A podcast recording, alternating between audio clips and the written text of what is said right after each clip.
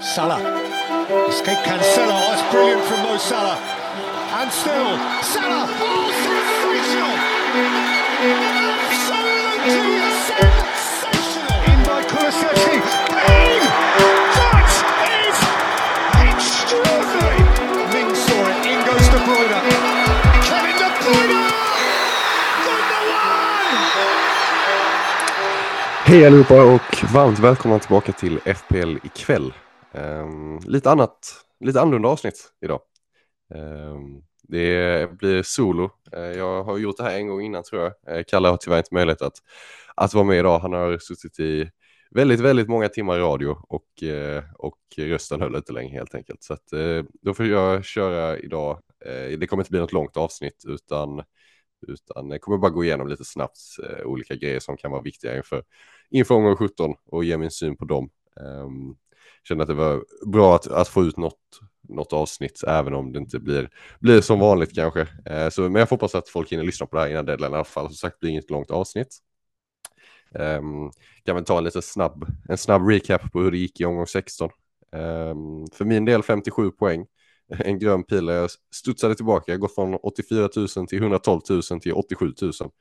Um, de senaste två, uh, senaste två omgångarna. Så uh, Eh, studsade tillbaka efter en, efter en röd pil och eh, det är alltid skönt. Trots att jag inte riktigt förstår hur det gick till för att eh, Salah och, Salah och Son var de enda, enda spelarna i mitt lag som gjorde poäng överhuvudtaget. Eh, men det räckte tydligen för en ganska fin grön pil.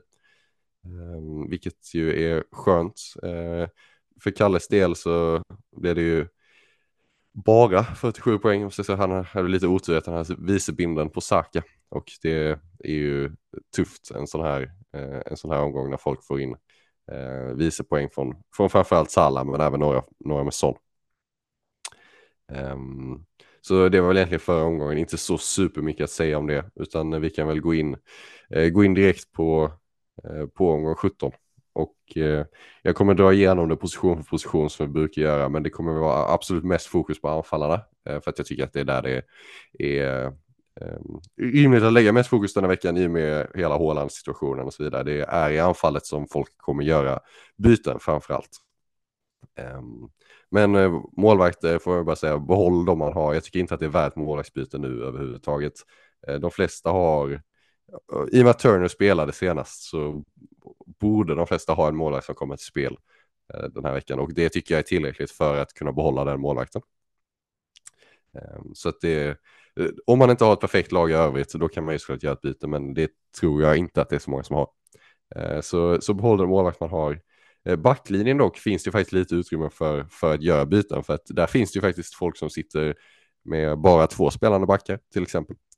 Eller som sitter med, med bara två spelande backar som har en match som man är eh, överhuvudtaget sugen på att spela dem i. Man kanske har Palace-backar bortom mot City och så vidare. Eh, som, man, som man verkligen inte vill skicka ut i spel. Eh, och då finns det faktiskt utrymme för att göra förbättringar eh, som kan vara värt ett byte eller till och med eventuellt en minus fyra. Um, problemet generellt med backlinjen uh, den här säsongen är väl att man tycker att det inte är, det inte är någon som håller nollan. Uh, det finns inget lag som man kan som man kan lita på riktigt. Um, och, och, det är ett problem. Det är ett problem. Men då får ju någonstans lösningen vara att eh, gå på backar som åtminstone har offensivt hot.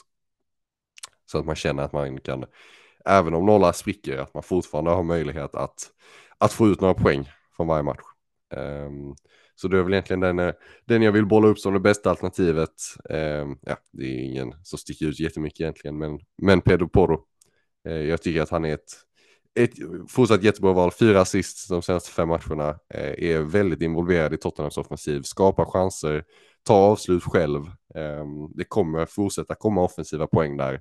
Och det är klart att Tottenham kommer inte släppa in mål i varje match, utan utan de kommer börja, börja hålla lite nollor förr eller senare och spelschemat Nottingham Forest, Everton, Brighton, Bournemouth kommande fyra. Eh, alltså, fortsätter vara helt okej där. Det är så här, inga, inga matcher som man ser som givna hållna, hållna nollor kanske, men tillräckligt bra spelschema för att det, det kommer komma någon nolla här och där och det kommer komma eh, fortsatt offensiva returns eh, såklart. Så han tycker jag är ett väldigt bra val. Har man till med pengar för att gå från en GH till exempel till Poro så tycker jag att det verkligen är värt det och att det är ett byte som man, som man kan prioritera att göra eh, för att få ihop en, en duglig backlinje. Eh, så. Eh, I övrigt så är det inte så många backar som, som känns särskilt inspirerande för mig denna, denna veckan. Ehm, man, ja, det är klart man skulle kunna byta in en Chelsea-back, Sheffield United hemma och sen fortsatt bra spelschema efter det. Men alltså, ja, det, det var som jag sa förra veckan, jag, jag vet inte om det finns en Chelsea-back eh, som har så pass hög höjd att det är värt att ta rotationsrisken. Liksom. Um, och det står jag väl någonstans fast vid att, eh, att jag, jag vet liksom inte om det är värt det. Jag ser inte, jag ser inte hur man ska komma ifrån det bytet jättenöjd. um, och det är som man kan ta vilket lag som helst. Trent till exempel som har varit på, på tapeten eh, som ett bra alternativ. Dels kostar han ju 8,2 eller något sånt nu. Eh, men det är också liksom fel läge att byta in Trent eh, inför Manchester United och Arsenal eh, och, sen bara, och sen Newcastle bara två omgångar efter det. Det känns liksom inte som rätt läge att, att investera över 8 miljoner i Trent eh, om man nu skulle ha de pengarna. Liksom. Ehm, så backlinjen är svår. Backlinjen är svår.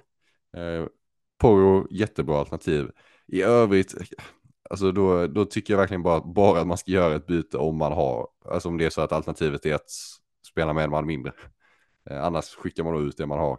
Ehm, men då är det klart att, att en Chelsea-back till exempel, eh, Villa också ska jag säga, Konsa, Pau Torres, jag tycker jag är bra alternativ. Ehm, bra defensiv och nu är det ju visserligen inte på hemmaplan men, men schemat är bra ehm, skulle jag ändå säga. Och framförallt då är Sheffield United hemma i omgång 18. Känns ju som en, en given, både en given vinst och en, en given hållen nolla. Så det är väl det om backarna egentligen. Mittfältet, eh, förvånansvärt liksom, lite att säga om, om mittfältet. Eh, det brukar vara den lagdel som, som det diskuteras mest kring egentligen. Ehm, men just nu med tanke på skador och så vidare så så känns det som att de flesta sitter med Sala, Saka och Son. Och det gör man såklart inget med någon av dem. Och sen har man åtminstone en, kanske två av Palmer och Gordon. Och eh, det är väl egentligen bara, Palmer byter man såklart inte ut inför Sheffield United hemma. Eh, jag vet inte om jag hade bytt in honom heller, står på fyra gula och så vidare. Um, så det, det, hänger också, det varierar väldigt från lag till lag om det är värt det. Men eh, Gordon behåller man ju om det inte kommer fram att skadan är så, så pass allvarlig att han missar matchen. Då kanske man får göra något åt det. Men, eh, men annars behåller man ju generellt mittfältare, alltså spela dem så behåll för att det, det, det, de flesta har andra problem denna, denna omgången. Ehm, och går vi vidare till de problemen, eh, eller det problemet kanske det egentligen, eh, Erling Haaland så är det ju faktiskt lite svårt att veta vad man ska göra här. Förhoppningsvis så får vi någon form av uppdatering idag fredag.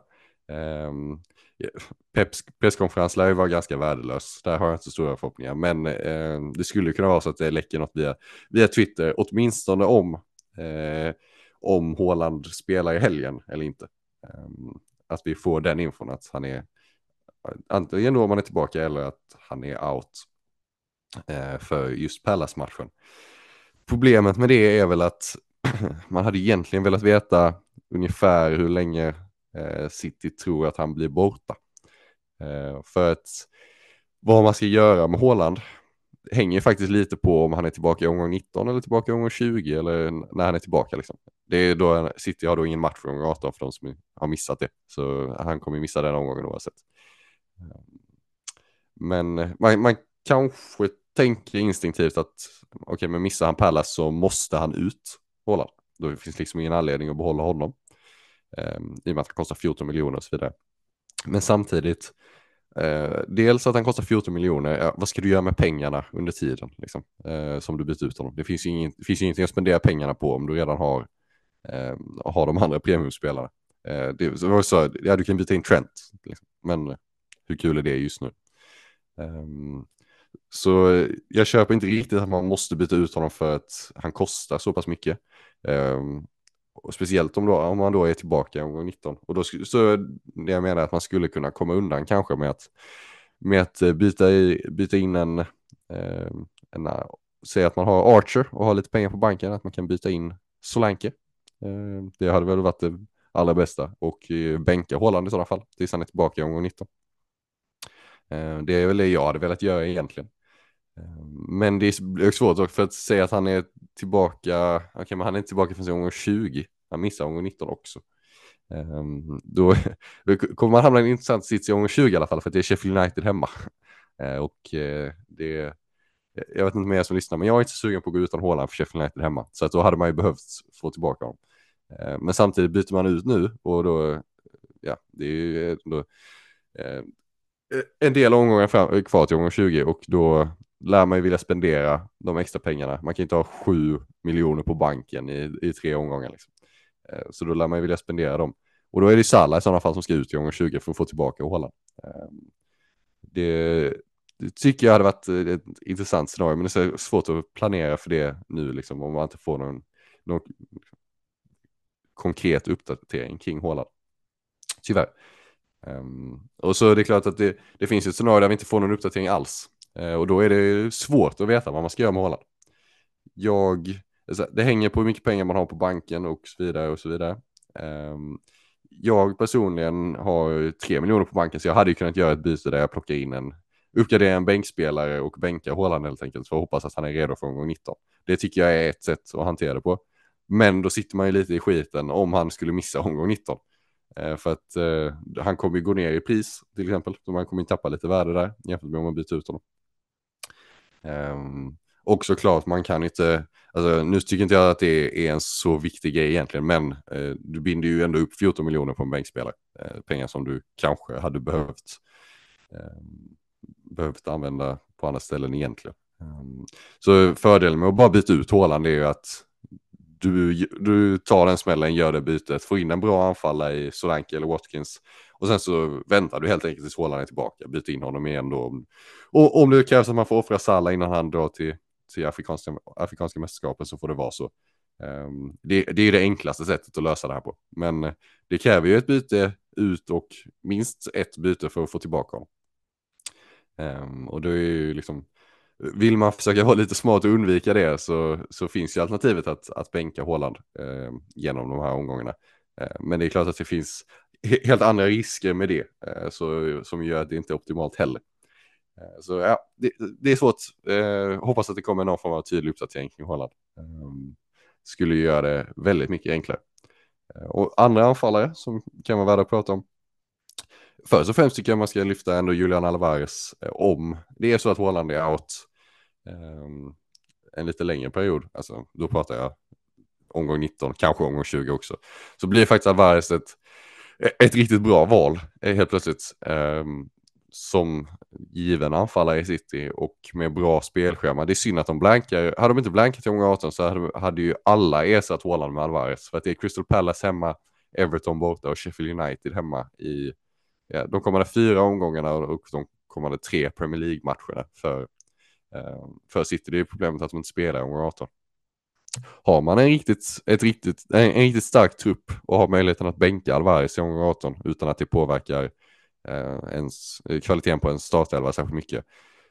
Behöver inte vara fel att byta in honom. Eh, för att det är så pass hög höjd i de här matcherna när Håland är out. Eh, det, det, är ett helt rimligt sätt att, att agera på. Eh, jag misstänker att det mer populära valet kommer vara Dominic Solanke. Och det är absolut inget fel med det heller, för när man läser spelschemat så är det Luton hemma, Nottingham Forest borta och Fulham hemma i de kommande tre. Eh, det är ju riktigt, riktigt bra.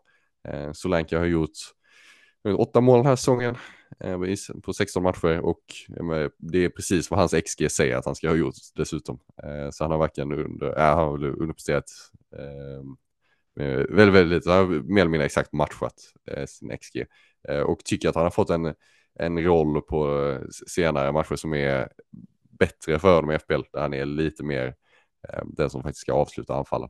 Ehm, och har, man ser också att hans XG per avslut och per målchans och så vidare har gått upp så han får fler farliga chanser. Ehm, och när man har den rollen som han har för Bournemouth som den absolut viktigaste spelaren offensivt. Eh, inför det här spelschemat Luton, Forest, Fulham. ja, det, det, är klart att det är ett bra val. Eh, och det är inte så att man måste byta ut honom efter det, utan han, han, han kostar inte så extremt mycket så att man kan ju eh, kommer de att behålla honom även när spelschemat blir lite tuffare. Och ser man, ser man på jättelång sikt för Bournemouth, alltså då pratar jag typ till omgång 32, så är faktiskt spelschemat bra hela vägen. Så det är en spelare som man kan byta in nu och, och hålla i handen riktigt, riktigt länge, eh, förutsatt att, att han fortsätter leverera. Eh, så att eh, det, det, tycker jag är ett väldigt bra val. Watkins såklart ett bra val. Eh, Brentford borta i omgång 17 är ju eh, en okej okay match. Eh, men det är framförallt Sheffield United hemma omgång 18. Där kommer man ju vilja ha Watkins, man kommer vilja bindla Watkins i den omgången skulle jag säga. I och med att Arsenal och Liverpool möter varandra och City inte spelar. Eh, så, så jag skulle säga att Watkins är eh, favoriten att få binden i den omgången. Och då vill man ju inte gå utan honom och då måste man då byta in honom omgång 18 så kan man ju lika på byta in honom denna veckan också. Eh, kan man ju tycka. Så att det är Watkins också ett jättebra val. Ehm, Solanke, Watkins, Solanke, Alvarez. Det är ju, jag tycker inte man ska kolla på några, några andra alternativ egentligen utan det är de tre. De tre som gäller, framförallt Watkins och Solanke tycker jag om man inte har en riktigt, riktigt stark trupp. Um, och har man det så har man förmodligen redan minst en av Watkins och Solanke. Och då kan man ju byta in Alvarez.